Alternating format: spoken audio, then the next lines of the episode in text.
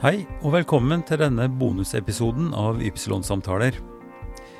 Det er fra Drammen Sacred Music Festival, hvor vi har serien Ordet er dekket. Navnet mitt er Ivar Flaten, og jeg er leder for festivalen. Men samtaleleder i denne serien er Bjørn Olav Nordahl. Når sykdom og død rammer, er tema for denne tredje samtalen. Den fant sted på Drammensbiblioteket tirsdag 21.9. Samtalen ble også strømma live og kan ses på www.ypsilonsamtaler.no. Forretningsmennene Jon Buksrud og Terje Stykke snakker med Wenche Mondal og Bjørn Olav Nordahl med tema 'Når sykdom og død rammer'. De har alle opplevd sykdom og død brått og på nært hold. Hvordan er det å jobbe på et sykehjem under pandemien når 30 beboere blir smittet, og 17 av dem dør? Eller hva skjer i konsernet når toppsjefen plutselig blir revet bort i en tragisk ulykke? Eller når businessmannen sjøl får kreft? Kjære venner, da er ordet dekket. Klokken er seks, og hjertelig velkommen til dette tredje samtaleprogrammet i regi av Drammen Sacred. Det er veldig hyggelig at vi kan være her på biblioteket igjen. Det er hyggelig at vi har folk i salen, og det er hyggelig at vi har folk som følger med på strømminga som foregår på nettet. Ordet er dekket er altså et samtaleprogram hvor vi inviterer profilerte personer til å snakke om ting som betyr noe. Ting som kan være vanskelige, ting som kan være utfordrende, morsomme, spennende. Men mest av alt så er dette et samtaleprogram hvor vi gir folk tid til å snakke ut. Og i dag så er temaet ikke spesielt lystelig når man ser på overskriften 'Når sykdom og død rammer'.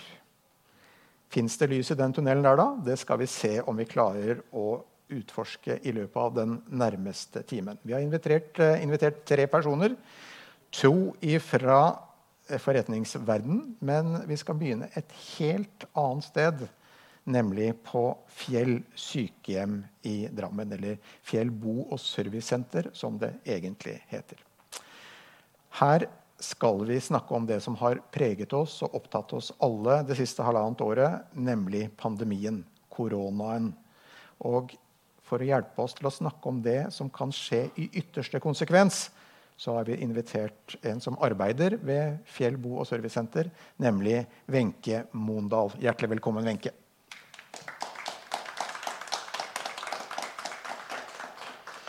Vi får vel fortsatt gjøre sånn, ja, tenker jeg. Vi får gjøre det. Ja, Vær så god, sett deg her. Takk. Ja, du får uh, nesten ja, tatt med deg huskelappen. Ja, det er helt i orden. Sein beskjed. Ja, det er lov. Egentlig så vi må si, vi pleier å ha sagt nå i ettermiddag at uh, er en av Drammens modigste damer. fordi egentlig så var det sjefen din som skulle komme. Ja. Hun ble syk, og Wenche stepper altså da inn i siste sving, eller ikke svingen engang, på oppløpssida, vil jeg si. Så det er supertøft gjort. Men du jobber på den administrative sida på Fjell bo- og servicesenter. Ja, jeg er frivillighetskontakt. Mm. Så jeg jobber mye pasientretta. Mm. Men jeg jobber og koordinerer de frivillige også. Så, men jeg jobber ikke i direkte pleia, nei. nei. Men du kjenner jo senteret godt og har vært der i mange år og vet hva som rører seg innenfor veggene der. Og mm. Nå skal vi skru klokka litt tilbake. Og vi skal til adventstida i 2020. Mm. Eh, da har det gått eh, en drøyt halvår og vær så det, siden eh, Norge stengte ned. Ting har vært litt sånn opp og ned, men så begynner det å skru seg til igjen. Og hva var situasjonen altså hva skjedde, Fortell oss hva som skjedde i adventstida på Fjell bo- og servicesenter. Ja, vi har, vi har, mye aktiviteter på Fjell. Eh, og det, vi hadde akkurat hatt eh, julebord. Selvfølgelig ikke alle samla. Det hadde vært vingevis. Vi har jo et sykehjem med seks vinger, åtte på hver ving. Så den fredagen så hadde vi frokost, og da var jeg og hjalp til under frokosten. Så vi satt og hadde veldig koselig prat rundt bordet. Og de var så fornøyd med julebord. Og den ene skulle en tur til banken, til byen. Og det skulle være ja, Nå er vi på 11. 11. desember ja, er vi på nå. Mm. Fortsett. Den ene skulle til byen, sa du? Den ene skulle til byen, og vi skulle ha besøk fra en barnehage som kommer utenfor og, og har litt ablegøyer for oss. Mm. Så det gleda de seg til. Eh, og så var den ene på den vingen var syk. Så henne var jo isolert, så det var jo ingen som var i kontakt med henne. Og jeg var heller ikke det. Men så fikk jeg etter hvert vite at um, hun var blitt syk. At det var korona. Mm. Så da var det jo testing og alt det der. Og jeg var negativ, så jeg og mannen min dro på hytta, og alt var bare bra. Og så må du da ta flere tester. Så um, skjønte jeg på mandagen at jeg var begynt å bli syk. Og da fikk jeg også etter hvert beskjed fra avdelingen da, at det var en massivt utbrudd. Hva det var, betyr det, massivt utbrudd? Ja, det var, eh, Jeg tror det var nesten elleve pasienter som ble smitta i løpet av den helga. Og eh, over 20 ansatte i løpet av ei helg. Når du sier eh, pasienter, hvilken tilstand er disse pasientene i? Ikke, ikke dårlige. Den første som ble syk, var ganske syk, men hun var oppegående. Men de var ikke, den, hun ene skulle i banken. Hun var den første som døde. Mm. Så var ikke, de var ikke syke. Og vi satt jo rundt et bord og prata og lo og tøysa og, og hadde det. Så det, det, var på en måte ikke de syke Det var ikke de syke som ble syke først. Mm. Det var faktisk de friskeste. Så hva skjer nå? Liksom, blir det noen form for panikk her? Eller hvordan på en måte blir stemningen inne på sykehjemmet når når dere liksom får den beskjeden altså når det skjer så ekstreme utslag, eller kommer så ekstreme utslag i løpet av så kort tid? Ja, jeg tror nok de fleste Nå, klart at nå lå jeg på loftet isolert, så jeg fikk ikke med meg de, de første 14 dagene som på en måte var verst. Da, for mm. da døde så mange på en gang. Men jeg tror uh, helsepersonell For det første så er et sykehjem Du jobber med døden og døde mennesker hele tida. Så du mister jo noen hele tida, men ikke så mange på en gang. Men det var ingen som fikk panikk. Er, du kan si at um, de fleste, det var nok veldig mange utenfor som fikk mer panikk. Som valgte å ikke gå i butikken, som hadde hjemmekontor og sånn. Mens helsepersonell og, må på jobb. Og du veit at jeg skal på jobb, og de menneskene jeg skal jobbe med, har korona. Du kan ikke si at jeg, jeg tør ikke dette, jeg blir hjemme. Du må bare mobilisere all den krafta og motet du har, for at du må hjelpe dem. De kan ikke klare seg sjøl. Nå går dere altså inn i en periode Du, du begynner å, å, snakke om uh, at det er noen som dør. Uh, hvor fort skjer det? Sånn som det er beskrevet for meg, så, så, føler jeg at det er en slags brytekamp. At det er korona og kroppen som kjemper. Og da er det jo liksom uh, ja, de blir jo så glad, personalet, når de klarer å redde noen og de, de ser at det går bra framover. Men når kroppen på en måte ikke orker mer, så går det veldig fort. Da er det akkurat som viruset bare overtar alt. Og så, da kan det stå om timer. Men hvis vi skal summere opp her nå, da. Altså, hvor mange beboere var det som ble smitta totalt sett? 17 beboere. Nei, var det ikke 17? 17 som døde, ja. 17 som døde, ja. ja. Nei, det var nesten 30 som ble smitta. Ja, og da begynner vi å snakke om over halvparten av de ja. som dør. Så halv, dere har et tap mm. på over 50 ja. ja. Altså, du sier at dere er vant til å jobbe med død, men dette her er jo ikke noe man Nei, kan venne seg til. Hva, hva, tenker du da? Det var mye gråt. Det var veldig mye, Personalet gråt veldig mye. For at eh, du blir jo glad i disse menneskene, og så gjør du det står en overskrift. Det sto 'Dødens forgård' på, i avisa. Og jeg tenkte at folk skulle bare visst hvor mye kjærlighet det var på de romma. Hvor mye kjærlighet personalet klarte å, å yte til de som lå der. De prøvde å facetime hjem til pårørende, for det er klart pårørende hadde det kanskje verst i den perioden, for de fikk ikke lov å komme. Og mange kunne få tilbud om å komme på slutten, men det var ikke alle som torde det. Så de hadde kanskje dårlig samvittighet og de sleit nok mer enn personalet som på en måte sto i det hele tida og gjorde så godt de kunne. Så var, de sang for dem, og de prøvde å gi dem den maten de kunne klare å få i seg. Is, brus. Prøvde liksom alt for at de skulle få ha det best mulig, da. Men, men så skjer jo det at 29 ansatte ja. også blir smitta mm. oppi dette her. Og Da er jo et spørsmål, ikke sant? Da blir det et kapasitetsproblem. Absolutt. Absolutt. Hva, hvordan løser man sånt, da? Nei, Det kommer jo noen dager hvor det ikke nesten kom noen på jobb i hele tatt. For det er jo Én ting er at du blir syk, men du må jo være hjemme lenge òg. Så de var hjemme i mange uker. Så vi måtte innhente hjelp utfra, da. Da var det noen eh, modige, tøffe som valgte å jobbe hos oss og vite at eh, mest sannsynlig kanskje blir du smitta, du òg. Og så måtte de jobbe masse overtid. De som var igjen, jobba masse overtid. Men det er klart, eh, man kan jo si det brutalt, det blei jo færre blei flere rom ledig. Mm. Det blei mindre å gjøre etter hvert som de døde. Så på den måten gikk kabalen opp. Men det var nok en periode hvor lederne mine hadde det tøft i forhold til hva gjør vi nå? Det er ikke flere folk å ta av. Men det høres jo ganske brutalt ut når du sier det at uh, nærmest heldigvis så døde folk, sånn at mm. dere hadde nok uh, bemanning til de som de var igjen. Føler jo skal jeg ikke dra parallellen for langt, men det er jo litt sånn at man føler litt sånn italiensk sykehusaktig? Ja, absolutt. Det ligna veldig på italiensk sykehus. Og de som kom på morgenen da, de ble jo losa inn på den vingen de skulle jobbe. Og de kom ikke ut igjen før de skulle hjem. Så de, de satt inne der og fikk maten servert. og Du går jo rundt med sånn månemennesker, og, men de ble smitta likevel. Så det var en voldsom Og så hadde vi jo to avdelinger, og den første avdelingen ble smitta først.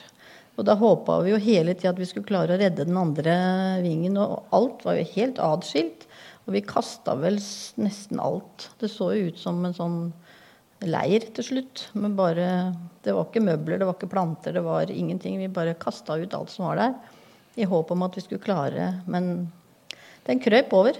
Mm. Og vi aner ikke hvordan det gikk, for de var, hadde ikke kontakt med hverandre, de to avdelingene. Og når den kom over på den andre avdelingen, eh, hvordan eh, ble situasjonen der? Ja, da var det samme Men da jobba vi jo enda hardere, da, for at ikke det skulle spre seg. Så det spredde seg ikke så mye der, for der var de forberedt. Så der var det litt sånn normal spredning. Men på den andre avdelingen så var det ikke forberedt. Så der var det nok mye smitte uten at vi visste noe om det. Tenker du at det var noe som skulle vært gjort annerledes? Nei, vi har eh, gått fram og tilbake, opp og ned og rundt og hatt tilsyn og sånn. Og vi kan ikke se at vi kunne gjort noe annerledes. For det, var tydeligvis en ukjent smittebærer. Og så fikk vi en mutert virus som eh, smitta mye sterkere enn den, den gjorde i starten. Så det var rett og slett et, en person eller en eller annen som gikk rundt og smitta uten å ha anelse om at han ikke var syk. Og mange andre ble ikke syke før det var gått en stund. Da var det for seint. I helsevesenet så er det jo sånn at når noe galt inntreffer, så kan man skrive en såkalt avviksmelding. Mm. Og jeg så da, Det var et intervju med sjefen oppe hos deg eh, etter eh, en av disse dramatiske helgene og liksom bare sier avviksmeldinger. Jeg har ikke tid til å skrive Nei. avviksmeldinger. Nei, det var ikke det du tenkte på. Det var pasientfokus. Fullstendig pasientfokus på Og så er det klart, isolere demente mennesker er Det er ikke greit at du lukker døra og, og sier at her må du være. De skjønner jo ingenting. Nei, og, Det er litt den andre siden av dette. her, fordi Én ting er sykdom og død, men så er det altså hva som skjer i denne prosessen, mm. som jeg er litt nysgjerrig på. fordi ja, her er det demente mennesker, og de skal isoleres. Mm. Eh, altså, hvordan er følelsen knytta til det å dytte et dement menneske inn Grusomt. på et rom og lukke den døra? Grusomt. Du føler vel man kan ikke kalle det overgrep, men du føler jo nesten det når du veit den personen er veldig redd. Og så må du bare Du kan ikke sitte der hele dagen, for du har jo andre å ta deg av. Så du må rett og slett bare lukke døra og håpe at det, at det går bra. Så det har vært eh, Det var kjempetøft. Tenker du at det er noen som eh, på en måte havna i andre på en måte, skal vi si, lidelser psykiske lidelser, mm. påkjenningen knytta til dette her, som ikke er direkte koronarelatert, men som på en måte er si, følgefeil eller følgesykdommer. som mm. Beskriv det. Nei, Det er vel er klart at en demenssykdom kan jo gå på. Hvis du har eh, negative opplevelser, så blir du dårligere. Og, og omvendt, da. Har du gode opplevelser, så kan du bli bedre. Og her var det absolutt uh, dårlige opplevelser. Så vi er jo også en kollega, Trude Søgaard Julsen, vi vi satte oss som mål å vekke de tilbake, de som var blitt eh, friskmeldt. da. Og det var forferdelig, for de hadde jo kanskje bare sittet og sovet i flere uker og ikke opplevd noen ting. Så vi måtte på en måte få dem tilbake til livet og lære dem å smøre brødskiva si sjøl. Eh, få dem til å smile, le, synge. For de var bare sånn steinansikter. Det var, det var ikke noe liv. For de hadde sittet så lenge i isolasjon. Det blir nesten som å enecelle i fengsel, på en måte. Dette er jo, du sa jo det selv, dette er jo pasienter som dere blir glad i. Ja. Eh, og som dere kjenner personligheten til, gjenkjenner trekkene deres osv. Hvordan var det å komme da på en måte ut på andre sida og møte det du sier som er et helt sånn steinansikt, nærmest helt uh, uttrykksløst? Hvordan opplevde du det? Nei, vi fikk det til. Vi fikk, eh, vi fikk veldig liv i dem etter hvert, så, så, det var koselig. Men det som er en sorgprosess i det, er jo alle de tomme romma. De, de personalet som kommer tilbake til avdelingen og skal jobbe, så er det det er tomt, og det er tomt, og det er tomt. Det blir en sorgprosess i det. For om ikke det er familien din, så, så er det en sterk sorgprosess. Så Derfor så var jo kirka veldig, veldig flinke og, og lagde rett og slett sorggruppe for oss. Så vi kunne komme og prate om beboerne og bearbeide mye av opplevelsene. Mm. Så det, det, var gull verdt. Så har vi den andre sida, altså de som står på utsida. Eh, eh, det blir jo kanskje ikke noe bedre når lokalavisa siterer eh, en av eh, avdelingsdirektørene i Folkehelsa som liksom på en måte kaller dette for en slags drapsmaskin. Altså, mm.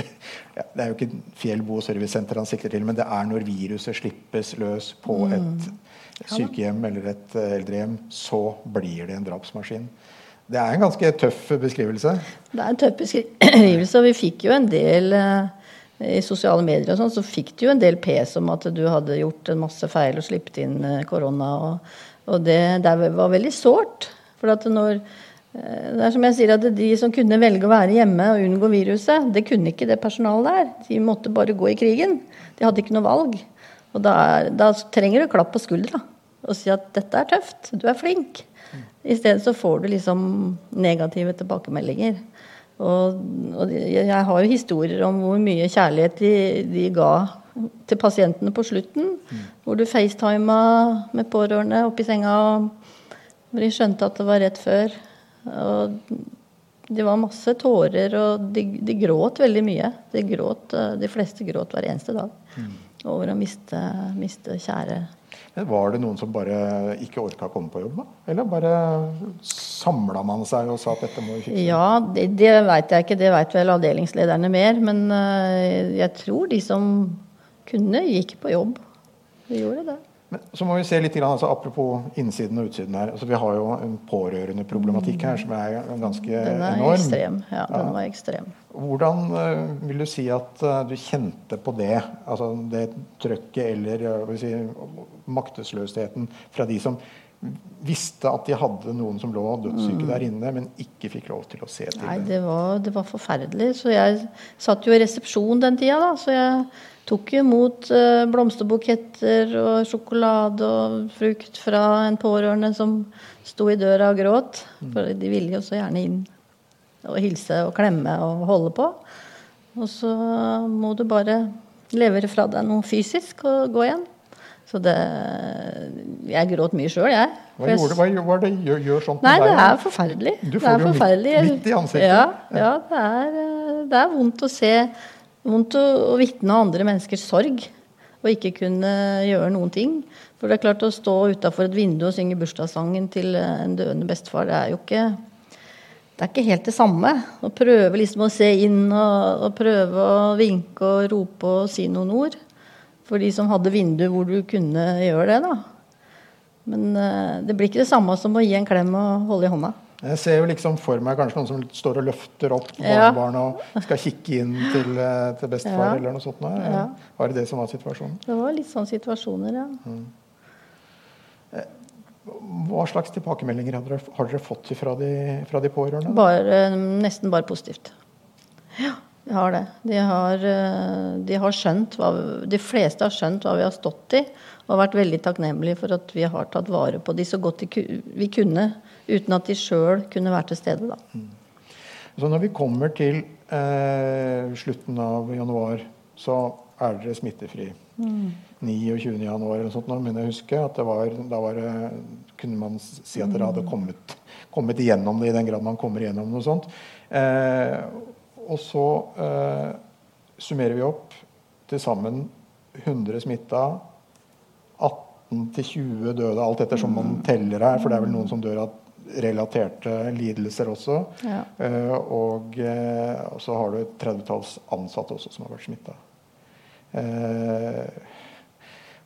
Hvordan går man videre? Ja, det, kan du, det, kan du, det sitter i veggene ennå. Vi kjenner det at vi, vi slipper ikke Vi klarer ikke helt slippe opp. Eh, det er vel kanskje noe som Og særlig lederne våre hadde det tøft og sto De måtte ta vanskelige valg. Eh, så de For eksempel, hva er et vanskelig valg her? Eh, nei, det er vel det der å, å slippe Når vi skulle begynne å slippe opp når du står midt i det verste, så veit du på en måte da må alle bare jobbe skulder ved skulder og gjøre ting. Men når du skulle begynne å slippe opp, så liksom når du skulle begynne å åpne dørene, skulle slippe pårørende inn Det satt nok litt lenger inne enn andre sykehjem. Fordi du, du, var så livredd for å oppleve noe lignende en gang til, tror jeg. rett og slett. Så nå åpner jo samfunnet mer og mer opp, og vi kan jo etter hvert få frivillige og sånn. Men eh, jeg merker at eh, vi gjerne Egentlig så tror jeg kanskje noen ville tenkt at bare lås dørene, og så er vi her fortsatt. Ikke slipp noen inn. jo, men det er jo en problemstilling til her. Da, for dere får, dere får, på en måte rydda opp her på et vis, eller mm. viruset kommer under kontroll. Mm. Kall, kall det hva du vil. Men så kommer jo denne delta-varianten susende mm. noen måneder seinere. Hva, hva, skjer oppi hodene deres da?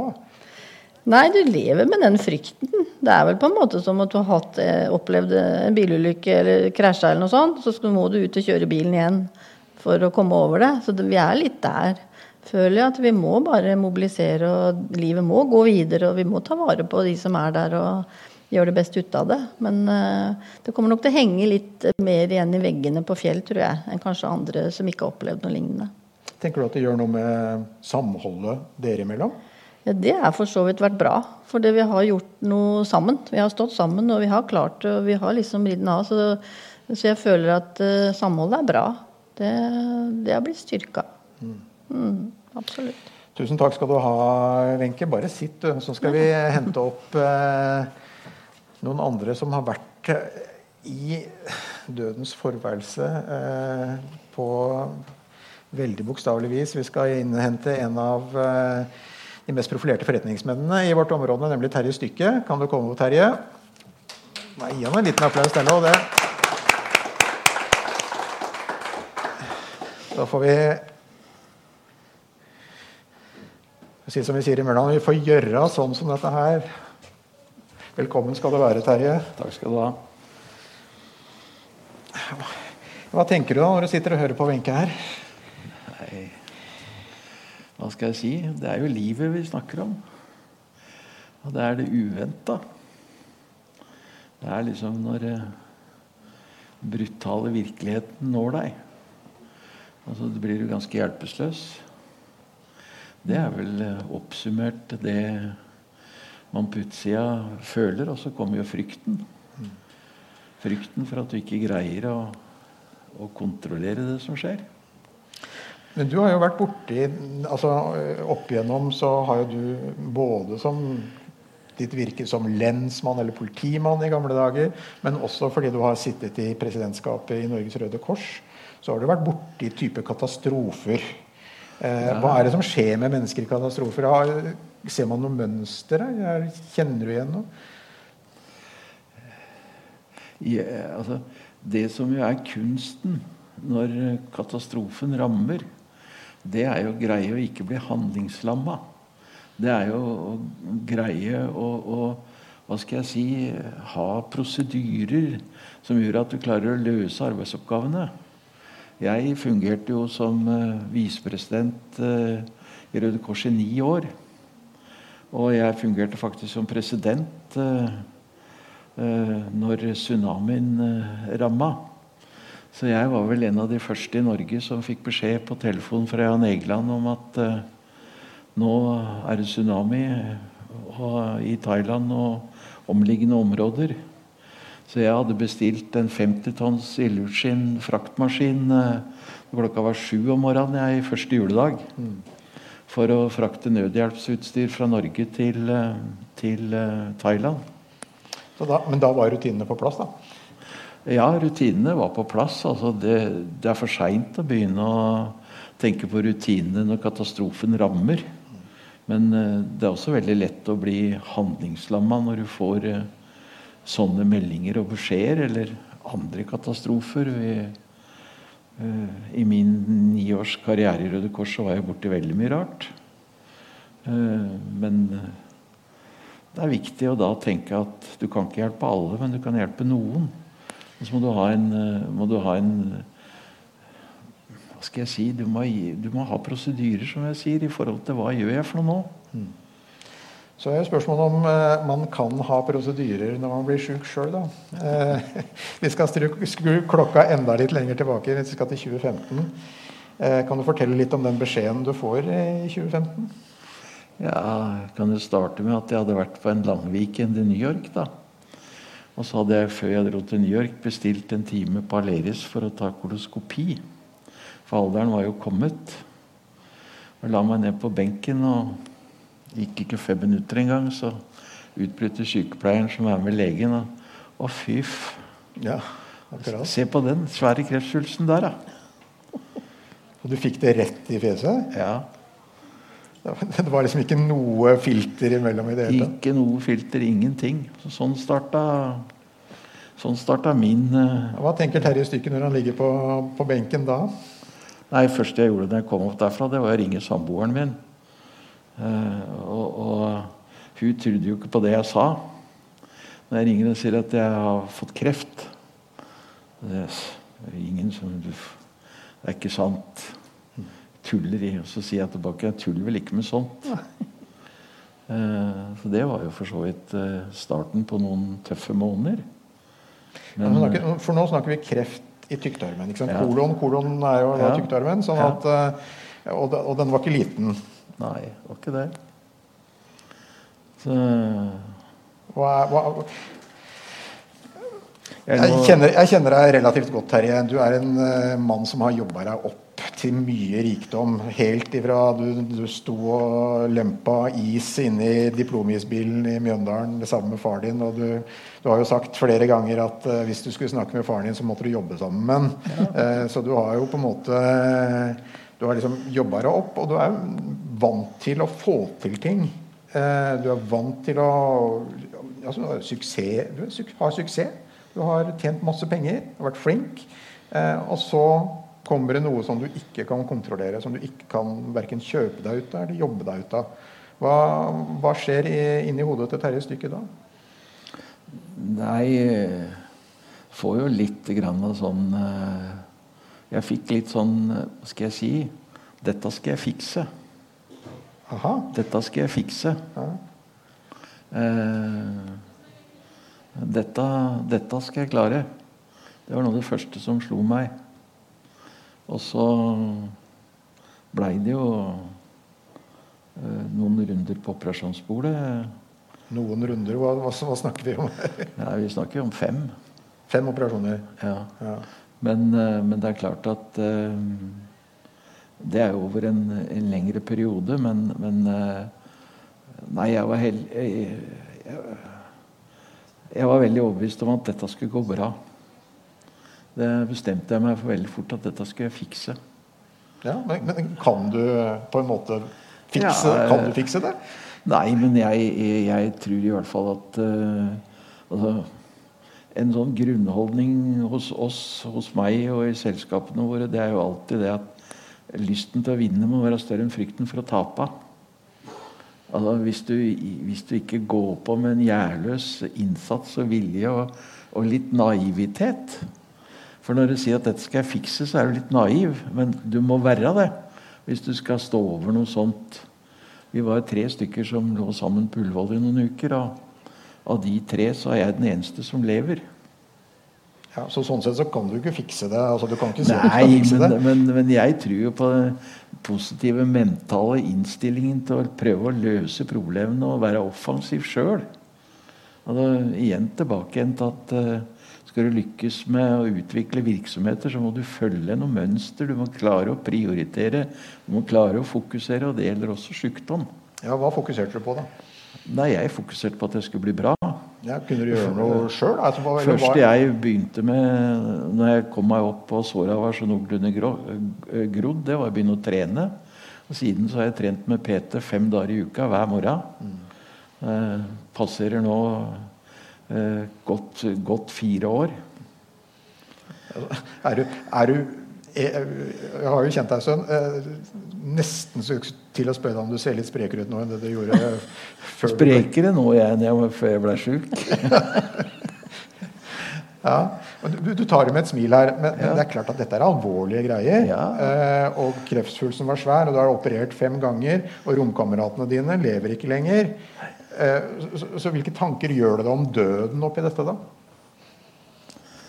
Nei, jeg, jeg har jo sett døden på nært hold mange ganger. I mange forskjellige fossetter. Og, og det, det jeg sier sånn kaldt og rolig, det er jo at det var ikke min, tid, det var ikke min tur. Eh, og så er livet veldig skjørt. Det er ingen som veit hvor lang tid vi har, og hva vi har igjen. Men, eh, men eh, trua mi gjør meg litt trygg på at eh, når min tur kommer, så kommer den. Kan Du si litt mer, altså, du sier at trua di gjør deg trygg på det. Hvordan definerer du troa di? Nei, hva skal jeg si til det? Jeg pleier å si at jeg må få lov å leve med min tro og min tvil. Uh, Hva er størst av, tvilen eller trua? nei, eh, jeg har opplevd så mye at uh, det er mer mellom himmel og jord enn det du kan forklare. Det er, det er jeg hellig overbevist om.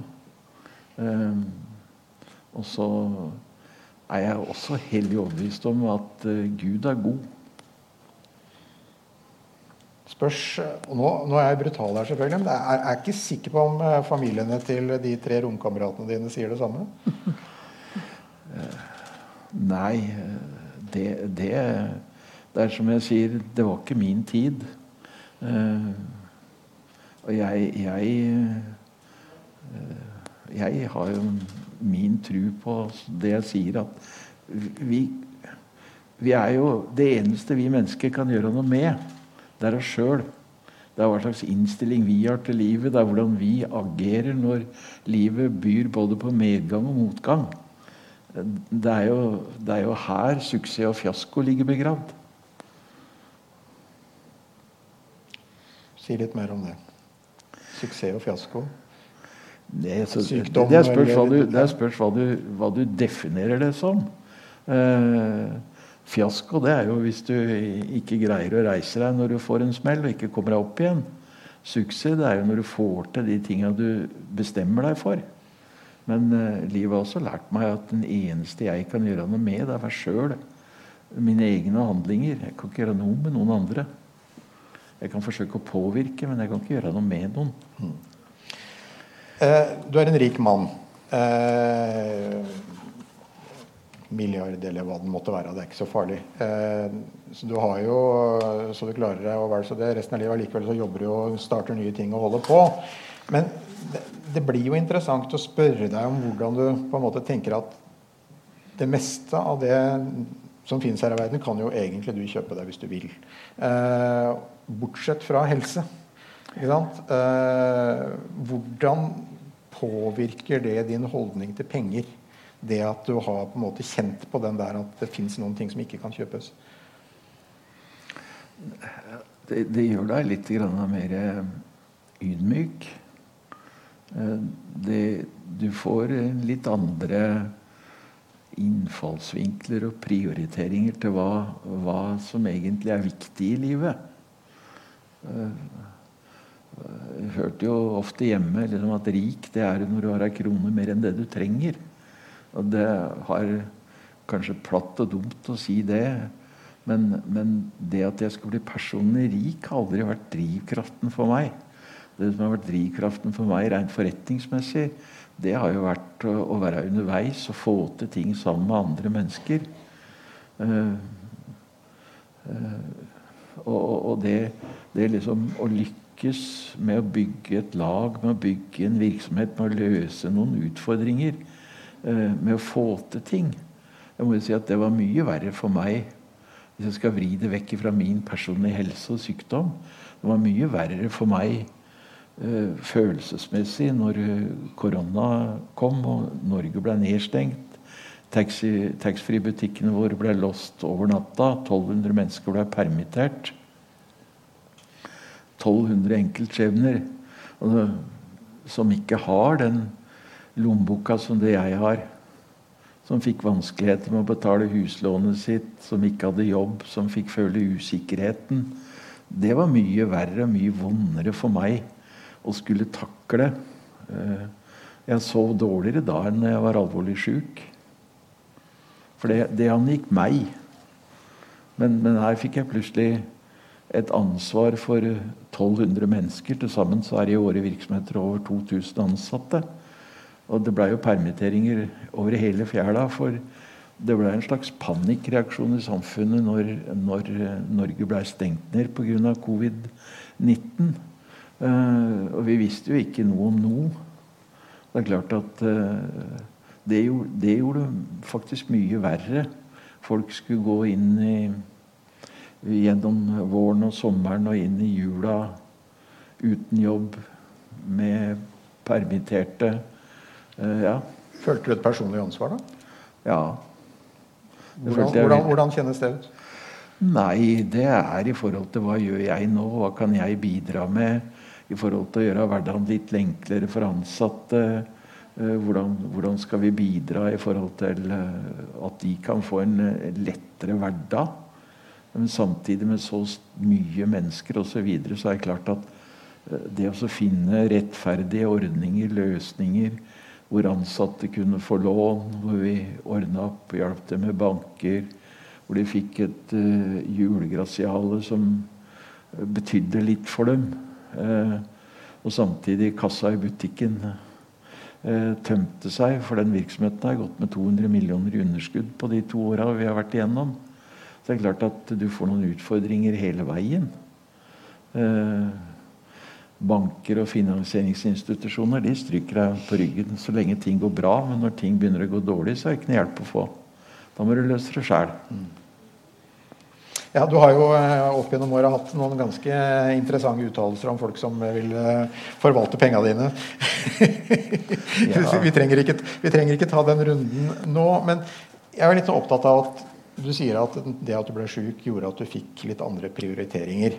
Eh, og sitter der med et intervju som du gjorde med Dagens Næringsliv, eh, hvor du sier at eh, du har eh, ofra et ekteskap og eh, tre pappapermisjoner eh, eller noe sånt noe for å få suksess eller lykkes med det du har holdt på med.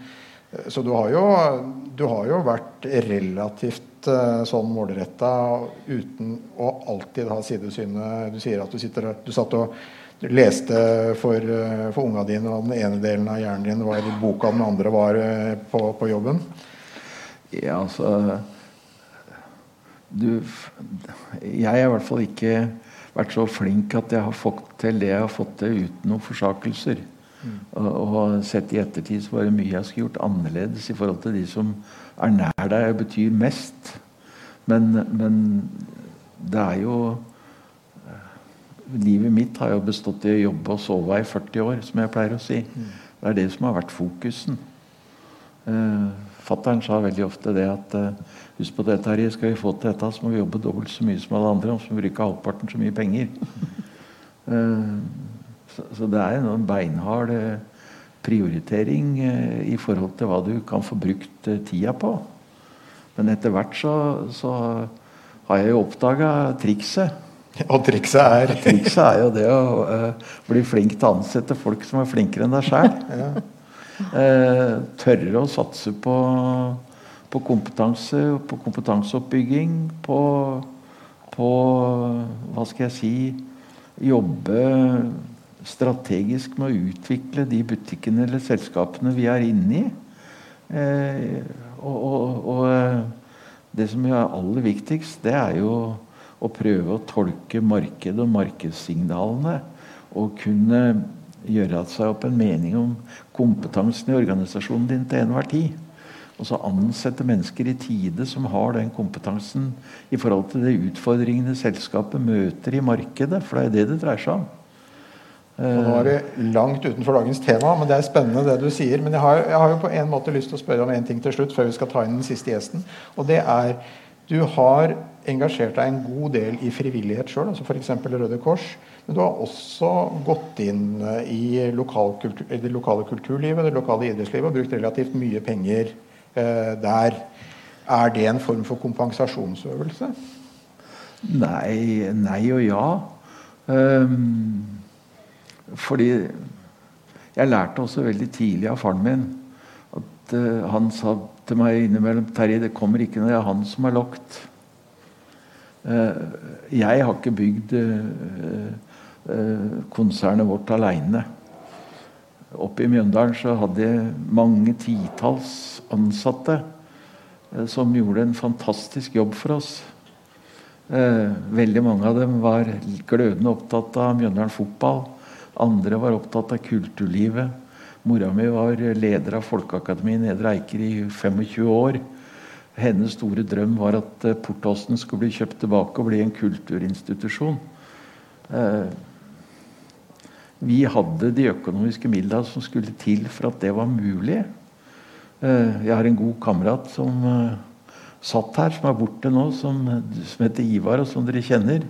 Ivar Flaten i forhold til prosjektet Internasjonale Drammen, hvor jeg var heldig å få med både Tor Kirkeng og Kiwi og, og Mester Grønn, Ola Erling eh, Ølstad på laget sammen med det offentlige, hvor vi kjørte et prosjekt. Nei, jeg, jeg tror eh, og lever litt etter det prinsippet at uh, jeg kommer ikke når jeg er han som er lokt.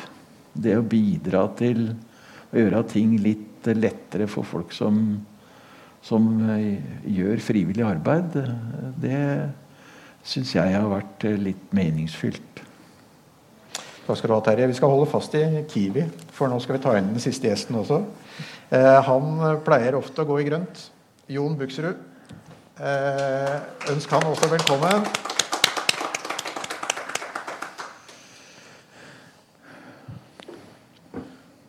Vær så god. Der borte.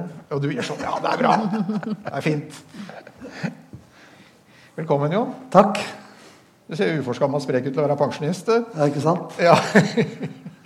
Du er eh, sjef for det som vi kaller for uh, Kiwi-skolen. Er ikke det riktig? Stemmer. Ja. Og har altså, Bare for å si det til dere som ser på oss her nå. Nå sitter det to voldsomt kremmeraktige karer foran oss her. Dette er kremmere fra den gode, gamle skolen. Tror jeg vi kan slå fast. Du har jo tilbrakt hele ditt liv i butikk omtrent. Det er vel riktig å si det. Du begynte på Vikersund. Eh, og, ja, det er viktig. Ja, ja, unnskyld. Ja, beklager. beklager. Det er viktig å, å, å, holde de ulike lokalmiljøene fra hverandre her. Jeg skal ikke surre det til oppe hos moingene. Men eh, i hvert fall, du begynte som diskenspringer allerede i femårsalderen. Eh, og jobba i butikk. Eh, faren din drev butikk, og du har eh, kommet altså, Det flyter vel om ikke annet kan man nesten si at det flyter strekkoder i blodet ditt nå for tida, men du er i hvert fall en ordentlig kremmer. Du har jobba i Kiwi-systemet veldig lenge. og grunnen til at vi har invitert deg, er at du var til stede når vi nå skal flytte oss tilbake i tid. Eh, og det vi skal flytte oss tilbake til, det er eh, til 13.07.2011. Eh, og da vil jeg jo bare spørre deg, hvor, hvor var du da? 13.07.2011? Fredrikshavn. I Fredrikshavn i Danmark? Mm. På ferie? Nei, Det var en kamerat og jeg. Vi hadde tatt båten til uh, Hirtshals. Og sykla fra Hirtshals til Fredrikshavn. Skulle overnatte videre til Aalborg. Og sykle tilbake til bare sånn to dagers eller to netters. Mm. Så får jeg da sitter og spiser frokost på hotellet og uh, ser på dt.no og ser at uh, jo da, det har vært ei ulykke, og det er trist. Og så går det da en halvtimes tid er på rommet og skifter, klar til å sykle, og så får jeg en telefon. Hva er det som ringer? Da er det en av kollegaene mine. Og da får jeg spørsmålet sitter du, eller står du? Sett deg. Og da får jeg beskjed om at uh, Per Erik og Anita og ei venninne av dere er da savna. Nå må vi forklare hvem Per Erik er her. Eh, per Erik Burud. Eh, han er jeg omtrent vokst opp samtidig med i Drammen. Eh, og jeg husker jo han som turner, mm. men han er jo først og fremst kjent som eh, Kiwi-sjefen. Han var da altså sjefen for eh, for Kiwi-kjeden på dette tidspunktet. Og på den, på den tida så hadde altså Kiwi 500 butikker og 8000 ansatte. Eh, og dere får beskjed om at han og kona og ei venninne er savna. Hva mer får du vite? Nei, Det er det jeg veit.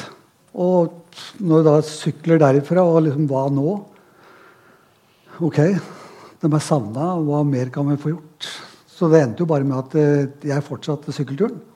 For det var jo også noe med å klare hjernen. altså nå, Hva skjer? Hva skjer? Og så blei det jo bare Tankene gikk jo der hele tida. Hva i all verden? Og det, det, er jo farlig å si det høyt, vet, men det, ingenting er jo bombe for at ting skjer. Og det er litt tilbake til sier Terje. Altså det, det, skjer jo så mye uforutsett. Om det er pandemi eller hva det er for noe. Per Erik levde fort. Han levde dobbelt så fort som veldig mange andre. Og dermed så Vi hadde kjørt båt eh, sammen før, vi, så vi visste litt om hvordan livet var. Han var veldig godt kjent i området. Og dette er med at eh, ja vel, ei ulykke har skjedd. Det kan jo ha skjedd. Og så leiter de, da. Men vi sykla til Ålborg Aalborg, overnatte. Sykler via Løkken. Og Løkken er jo gjerne et sted som veldig mange i Norge har et forhold til. Og så kommer jeg inn i en kiosk, og så er det da der førstesidene på norske aviser, det er Per Erik. Og de avisene de har liggende hjemme nå. Det er jo bare helt, helt vilt liksom, å oppleve dette. Er dette mulig? Så det var, det var sterkt. Du må si litt om uh, hva Per Erik på en måte betydde for uh, Kiwi-konsernet på dette tidspunktet. Han var jo en i Gåstein grusom leder. han var krystallklar og veldig vennlig. Veldig. Så liksom Han var jo bare sånn en figur som bare var på hele tida. Og gjennom det så var det Altså, han var lederen. Tor har valgt kirke, som da er gründeren av Kiwi. og Per Erik kom jo inn som sjef fra, i 1991. Men han var den som gikk en meter foran alle andre. Han tok bare lederskapet til de grader. Og du kunne like det og kunne mislike det. Men du var aldri tvil om hvor sto han. Hvor sto han? Mm. Så om det var knalltøft, så var det også veldig tydelig lederskap. da. Altså, dette var mannen blak, hver femte bleiepakke gratis, og ha ja, kutt i grønnsaksprisene. Ja. Det var han som var avbilda oppi den der Kiwi handlevogna rundt omkring overalt. Så han var jo på en måte ansiktet, men også antageligvis da veldig den som kom med ideene i Kiwi, høres det ut som? Ja, han, altså han var, han var en av mange. Og det var eh, stadig vekk eh, kreative samlinger som en gang i året. Og der kom det nye ting. Og Per Erik var da den som da, når det ble bestemt noe, ja vel, så var det han som kjørte det. Mm. Og på et tidspunkt så hadde vi jo ikke penger i Kiwi. Så da, det billigste markedsføringa var jo å heve han opp i handlevogn, for handlevogna var kjøpt, og han var betalt allerede. Så det var jo bare å sende han over, så var dette her som, det gikk som ei kule, det. Ja. Men ok, tilbake til Løkken. Eh, mm. Eh, dere har fått uh, avisforsiden i ansiktet. Eh, og så kommer du da vel hjem på et eller annet tidspunkt? Jeg kommer hjem, ja da. Vi tar båten hjem og reiser da rett til, til Lierstranda. og... Uh, jeg, jeg griner meg inn på et uh, møte som allerede var der. for liksom, nå, nå, var jo da allerede ledergruppa og uh, konsernsjefen til stede. Og de sitter og snakker. Hva, hva, gjør vi nå? Og hva vi gjør. Altså, det var jo pressemelding. ja, Den var veldig kort og liten. Det var konstatert. Ja, han er savna. Ja, for det er jo det interessante her, eller paradokset her. altså Dette skjer vel natt til søndag, gjør det ikke det? 13. juli er jo dette her det skjer. Ja. Eh, og så går det faktisk ganske lang tid før han blir funnet. Mm. Og, og jeg har lyst til å prøve å finne ut av hva er det som skjer internt i, i konsernet i løpet av den perioden hvor det er uvisshet, hvor trøkket utenfra er enormt. Hvordan håndterer dere dette? Hva er dynamikken øh, i, i Hvordan har dere det? Nei, det, det er, ja, og det er altså på en tid av året hvor folk har ferie. Og når folk da ringer fra Florida og sier at 'skal jeg komme meg hjem'? Altså Folk følte seg liksom så nakne fordi at vi var borte. Det å være da tilbake til altså Når vi er sammen, så er vi sammen. Når jeg da er på, på ferie og nyter ferien, så er det plutselig at den ferien var fullstendig bortkasta. Null. Jeg har jo lyst til å komme meg hjem. Og når jeg sier hjem, eller når jeg sier jeg, så er det alle de, eller mange av de som var Per Erik nær, og servicekontoret nært. De ønska mye mer å komme hjem. Og mange kom faktisk til servicekontoret for å bare være der. Så det å, å møte og være sammen betydde ekstremt mye. Og så var det møter på møter på møter. Og så var det redningsaksjoner, og så var det pressemeldinger, og så var det folk som da ville ha vite noe om hva er det for noe som skjer. Vi kunne ikke si noe mer enn at dette er situasjonen. Vi, Men- det er leiting. Men det som eh, er litt interessant å gripe fatt i her, er at eh, du er jo på et tidspunkt blitt sjef for det som kalles for Kiwi-skolen.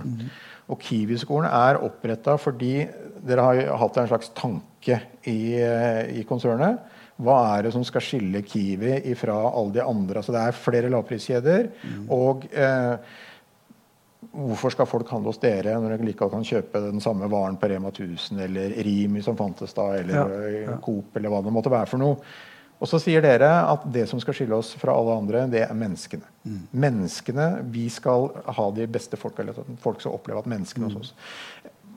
Hvordan spiller det inn i den situasjonen eh, dere er nå?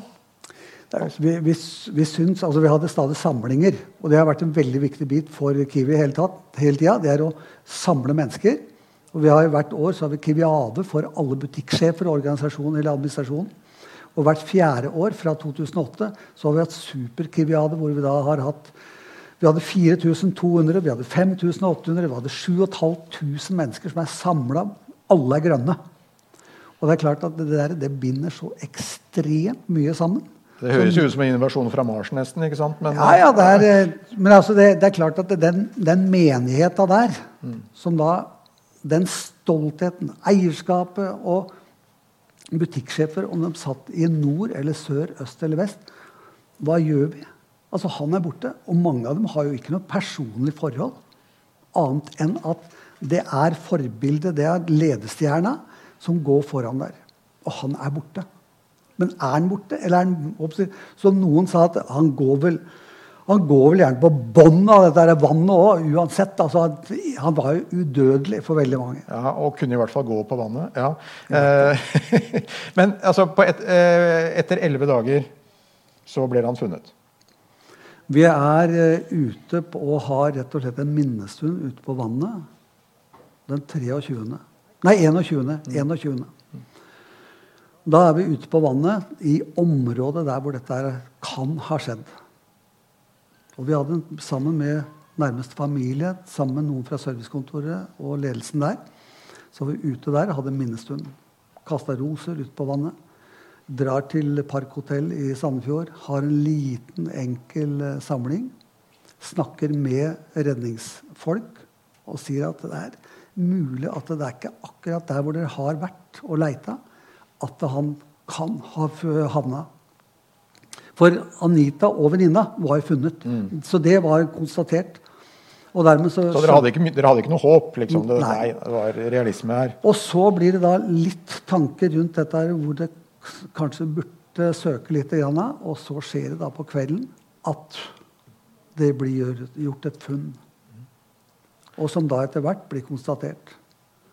Og så kommer jo media, får greie på dette her. Det er natt til 22. juli.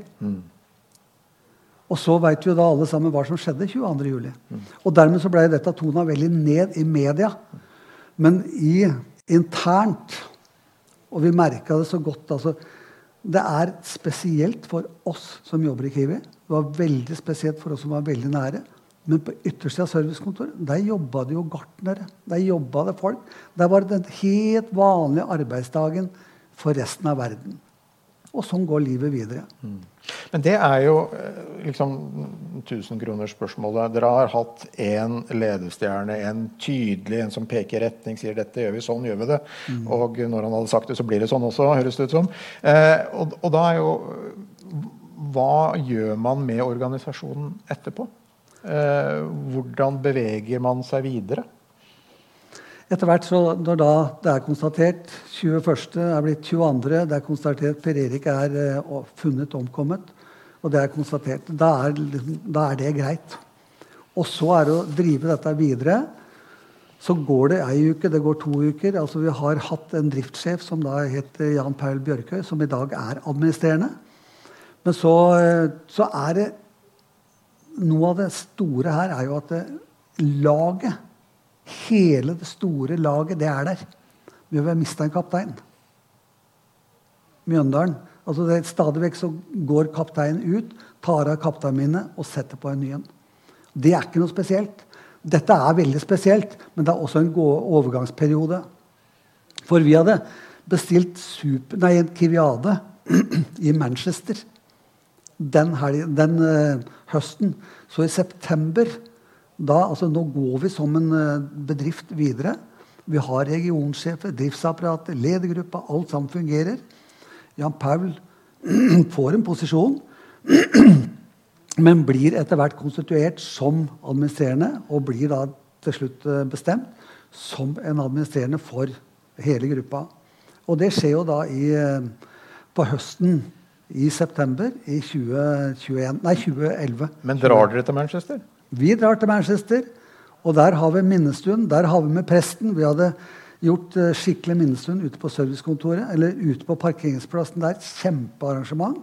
Hvor bl.a. Bettina, dattera til Anita og Per Erik, hun sang sammen med venninne.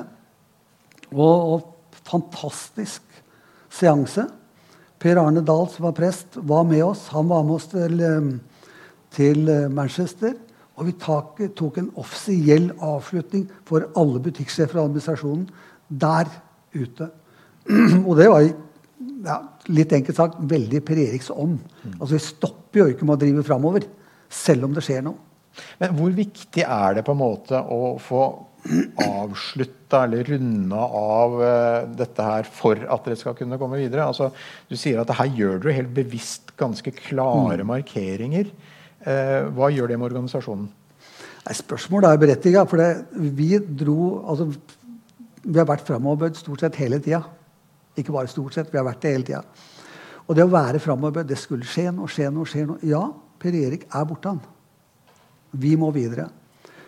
Planene var gode, det var heller klare, og vi visste hva vi skulle framover. Men vi må jo også innrømme at med da en eier som ble borte, som også da var lederen, så blei det ansatt en person som er i en helt annen rolle. Og det er en ganske tøff overgang. Så han fikk jo på Jeg sier heldigvis. Han hadde sine egne sko. Det var ikke Per Eriks han skulle fylle. Han skulle være leder på Jan Paul-vis leder. Og det var viktig for oss. Mm. Terje, hva, tenk, hva, tenker du når du hører den, den, historien her, eller eh, den beskrivelsen som kommer her av, av prosessen i Kiwi som mister toppsjefen sin sånn på den måten? Det, det, det vitner jo bare om at uh, det var en organisasjon som var shipshape, skipsskjeip. Som hadde et veldig sterkt verdigrunnlag. Uh, og det er jo det som på mange måter sitter igjen i historien her. At verdigrunnlaget og kulturen i Kiwi den var, han var jeg holdt på å skulle sagt hogd i stein. Og så sterk at han faktisk Sett i ettertid så Kanskje fælt å si at den kom styrka ut av det, men, men, men, eh, Kiwi har jo hatt enda større suksess etterpå nesten enn før. Mm. Så, så liksom at håndverket blant tidligere eiere, ledere altså, Det er faktisk nesten så jeg får gåsehud av å tenke på uh, det som var lagt ned av forarbeid, i verdi, i kultur, i bygging. Altså i, i vinnerskallet. Altså det som liksom går på topprestasjoner, det å gjøre ting litt bedre i dag enn det du gjorde i går, og enda bedre i, i morgen, det er jo det Kiwi har levd på. Wenche, når, når, du hører Dette er jo nesten en litt sånn tilsvarende situasjon. holdt jeg på å si, Du får noe brått kasta på deg. Mm. Dere fikk det over ei helg. Mm. Eh, tenker du at eh, det er noe å lære av dette her? Ja, Det du ser på, er jo Hadde de ikke vært så bra i bånn, så hadde vi kanskje alt rakna. Og jeg tenker også opp hos oss, da, hadde ikke vi hatt gode ledere som tok tak, så kunne jo mye rakna opp hos oss òg, faktisk. Og det kunne jo blitt sånn traumatisk etterpå, da, sånn at eh, folk kanskje ville slutte. Og... Så det er jo viktig det, du, det grunnlaget man har i bånn. Det tror jeg er kjempeviktig i alle, alle, settinger. Mm. Jeg må spørre deg om en ting til slutt, for det er jo noe som er litt enda mer krevende oppi dette. Eh, og det er jo at det er to barn som eh, blir foreldreløse over natta. Bokstavelig talt. Du har nevnt datteren som sang under minnestunden, men allikevel Hvordan forholdt dere dere til det?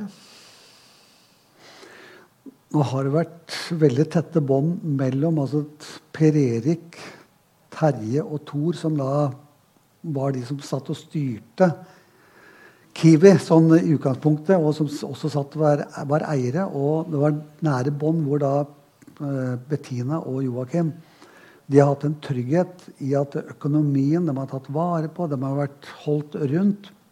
Og de har hatt uh, tanter som da har Og besteforeldre som, eh, som, også har stått en bi. Som virkelig har eh, vært nærhet og stolper for deres liv videre. Går det bra med dem? Ja, Jeg veit ikke noe annet enn det. og det er eh, De lever i Oslo sånn i utgangspunktet. Det er der de har bostedet sitt. Og det er, har, treffer dem med ujevne mellomrom. Tenker du, når du ser i bakspeilet her at uh, det er noe du ville gjort annerledes i den prosessen? Som dere har vært igjennom?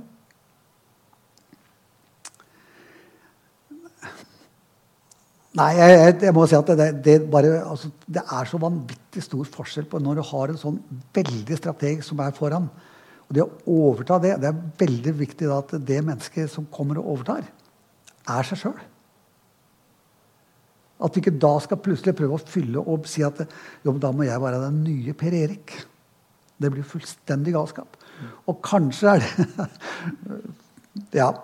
ja, Paul er en helt annen person enn, eller type enn Per Erik. Og det er kanskje like greit. Så kan vi være frustrert over det at han er jo en politiker i Gåstad. Altså, han er jo treg i forhold til Han kommer jo fra Innlandet. Det, men ikke noe gærent. Men altså, det er bare så veldig annerledes. Og så kan jeg si at det, de siste tolv månedene hvor Per Erik styrte, da omsatte Kiev for 20 milliarder. Det er mye penger. I fjor omsatte vi for 46 milliarder. Altså, Bedriften har jo gått var så vanvittig mye. Og fra de 7000-8000 til å være 14 000 ansatte. Så verden har jo gått videre, og Kiwi har fulgt med. Så det er, eh, men hvis jeg bare så avslutningsvis skal si at det, det har gått veldig bra men i 2014 måtte vi rett og slett ta et oppgjør. Fordi det var noen som ikke hadde fått levd sorgen ut. Noen hadde fått bedre i gåstein. Per Erik var som jeg sier, han var sterk. Og gjennom det kunne vi også skape en viss grad av frykt. da. Opplevd frykt. Så var det Hele tida var han jo nær. Men det å komme igjennom faktisk en ny liten sorgprosess, for den hadde vi aldri tatt på fullt og helt på alvor. Og den er viktig å ta med. Noen er, og det, det har vi gjort når vi har overtatt butikkjeder. Vi har faktisk vært inne, møtt mennesker som har drevet i en butikk i 10-15-20 år. De har vært igjennom sorgprosesser. Så sorgprosesser er så mye. Det er så mange. Er, eh, så vi, vi valgte faktisk å sette beina ned og si at nå må vi finne hva er morgendagens kulturbegreper. Hva skal vi enes om? Og det har vi gjort på en fantastisk måte, som da ledergruppa og med regionsjefer og med distriktssjefer og alle sammen har vært igjennom en skikkelig Her står vi. Nå står vi enda sterkere enn vi har gjort noen gang. Men det du sier her er altså at dette lå egentlig og murra og gnagde på en del folk i, altså i tre år, faktisk? sånn Faktisk, Det er helt riktig. Ja. Men det, det kom liksom ikke opp til, på overflata, for regionsjefen i Agder han dro dit, og Rogaland dro dit, og Nord og dit. Altså der, og der levde de hver for seg. Men, men det du sier, altså, da er det jo noen som må rekke opp handa da, og si hør her, nå må vi eh, Du sier sette fot, foten eller begge beina i bakken. Hvem var det som gjorde det da? Og da gjorde vi det i 2014. Begynte å bearbeide dette i slutten av 2014. 2015 begynte en kjempeprosess som har vært en fantastisk reise for oss etterpå. Ja, men hvem var det som rakte opp handa og si hør her, folkens, nå må vi rydde opp? Ja, det var noen av oss. Det var noen av oss, ja. ok. Tusen takk skal dere ha, alle tre, for at dere ville komme til Ordet er dekket. Takk til dere som har fulgt med på strømminga. Eh, vi har brukt en drøy time i hverandres eh, selskap. En god samtale. Takk for det dere delte og bøy på av dere sjøl. Og så er det slik at det er et nytt arrangement i morgen klokken 18 her på biblioteket i Drammen. Og det vil også bli strømma. Og da skal vi rett og slett møte to ildsjeler som jobber for flyktninger i leiren Moria i eh, Hellas eh, ved Middelhavet. Det er den verdensberømte fotografen fra Ål, Knut Bry, som kommer hit. Og han kommer sammen med artisten Marte Valle, som også er sykepleier og som har jobbet i Moria-leiren. Så vær hjertelig velkommen tilbake i morgen klokka seks. Du har nå hørt en bonusepisode av podkasten Ypsilon-samtaler. Vi sender flere slike bonusepisoder nå i forbindelse med Drammen Sacred Music Festival. Ordinære episoder de kommer på torsdager. Utgiver av Ypsilon-samtaler er Kirkelig dialogsenter Drammen, eh, og vi er støtta av Drammen kommune, av Einar Juels legat og av Barne- og familiedepartementet. Du finner alle episodene og bonusepisodene på www.ypsilonsamtaler.no. Og vi er veldig glad om du har mulighet til å gi oss et tips på folk som du syns er interessante å kunne snakke med. Takk for at du lyttet til podkasten vår.